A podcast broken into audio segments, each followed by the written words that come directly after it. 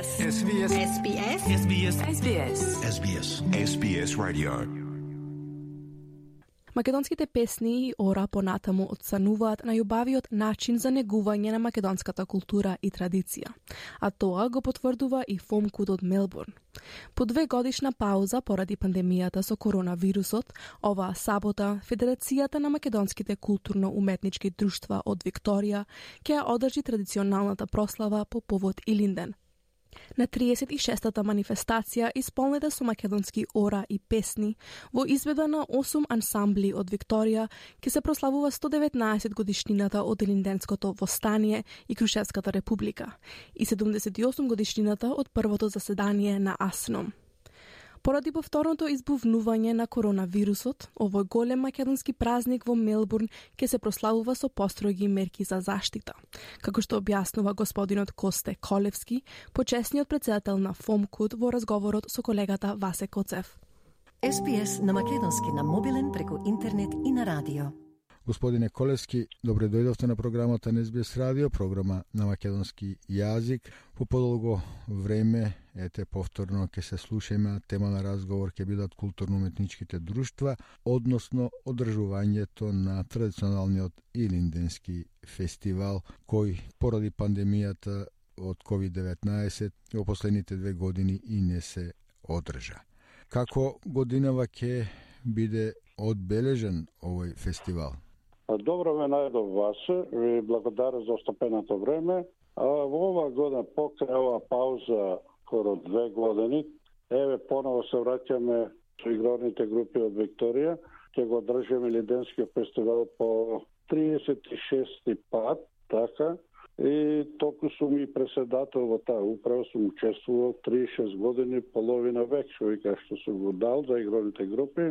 И тоа ќе биде овој фестивал а, учествува 8 игрорни групи. 8 игрорни групи со сите своји е, групи од мали па до најголеми, кои како има групи.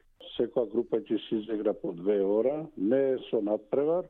Ќе се одржи на 13 август во Фераро ресепшн во Камбелфилд, кај Менде, така да овој фестивал е посебен. Прв пат во овие 36 години се одржува со вечера. Со вечера, со пул сервис, така да малце се, се смени работата, младите сакаја, се разбери и старите, дека да си седнат на маса, да не работа, да некој да ги служи, да, да гледа неговите нучиња како игра, неговите дечиња, така да малце по-модерно, од поранешните 36 години кои влегува само наврата и без никаков сервис. Само сервис да си купат директно од кујна или од бар. Тоа е нешто ново и се мислам овие дечиња ќе покажат убава игра и песна, убаво да ги видиме што научиле во овие години. Малце се доста од ковидот исплашени. Е, тоа сакав да прашам. Колку сега влијание ќе има ковидот, бидејќи повторно почнува да се шири според најавите на здравствените власти. Сега повторно ќе имаме групирање, повеќе луѓе на едно место. Дали а, имате некои посебни мерки подготвено за ете за ковид ситуација, какво конкрет, конкретниот случај? Да. Види, сите што дојде на митинга, се кажа дека да преземат мерки, тие ги знаат своите игралци и родители и му е кажано дека ако некој има симптоми, да не доаѓа вечерта на тој фестивал, оти се разбира. Тука имаме дечиња од 5 години па нагоре, така да и веројат и, и стари ги има, така да мора да направиме дезинфекција на вратата ќе има, тие работи се и ќе се гледа значи на тој. Па исто и ако некој има грип, кашлица, да не дојде и тој, оти тоа е преносливо. Тука ќе биде многу, ќе бидеме, што вика, преполна салата, не знам дали ќе не собере, мен да треба да проширен до 13 за да не соберат. Не 8 играни групи, секој има некој по една, некој по три, така има доста, доста, ќе бидат дечиња, стари луѓе, значи интересо веќе нема место. Фестивалот се одржува на 13 август. Да, на 13 август Колку... во Фераро Ресепшн. Колку културно-уметнички друштва ќе настанат? 8, 8 и тоа сега да ги кажеме, почнемо од Александар Македонски од Вереби, од Илинден од Путфри. Така, код Јане Сандарски, код Никола Карев, код Танец со северниот дел, код Светлос, код Тоше Проевски и код Гоце Делчо. Тоа се сите особи игровни групи, таа веќе ќе настапат со своите игровни групи. Сега знаеме дека доста се отида и во Република Македонија, знаеме дека се намалени бројот и исто ефект што рече ти пред малце COVID-19, доста дечиња, родители има, фамилии фатено тоа, тука се намали малце бројот, ама пак салата е полна. Значи салата се наполна. Али ефект има некоја група помалце, некоја поеќе, ама разбирливо е тоа. Дали ќе биде се 10 игроци, дали ќе биде 20 или 50, не е важно, важно да настапиме. Ако сака некои маските, може да се и носе, па до тогаш може да се промени, да има некоја наредба од државата. Треба да се пратат новините, радијата, вестите, така да видиме до кај ќе одиме. Ако ти се стварно има некој зголемен број на COVID-19, треба да се пазиме.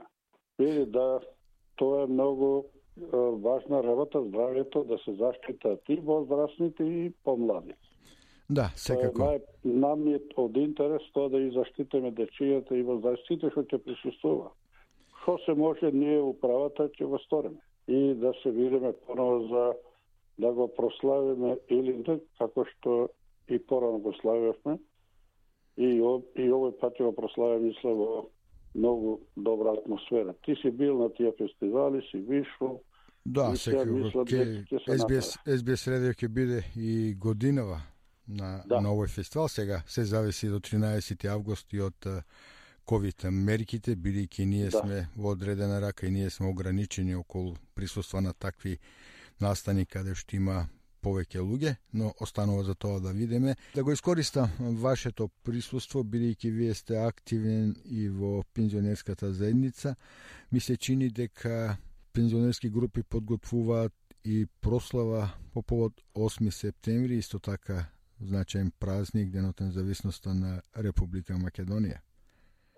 Да, да, таму сега ме поставија заменик председател и некој председател Стојан. Да, тоа ќе биде исто слично на овој. исто ќе биде тоа во Брукот Ресепшион на 4 септембар. Тоа е во недела од 11 саато до 5 се разбира со јадење, со пиење, нормално, забава, убава забава, така да кој сака значи да присуствува, да се се јави кај своите председатели кај пензионерските групи и тоа е многу важно да го прославиме индепендент дај што вика независноста на Република Македонија на чете две два големи празни и да. едно и други. Ви благодарам за разговорот. И ти благодарам и тебе Васо и поздрав до сите до СБС радиото. СПС на македонски на мобилен преку интернет и на радио.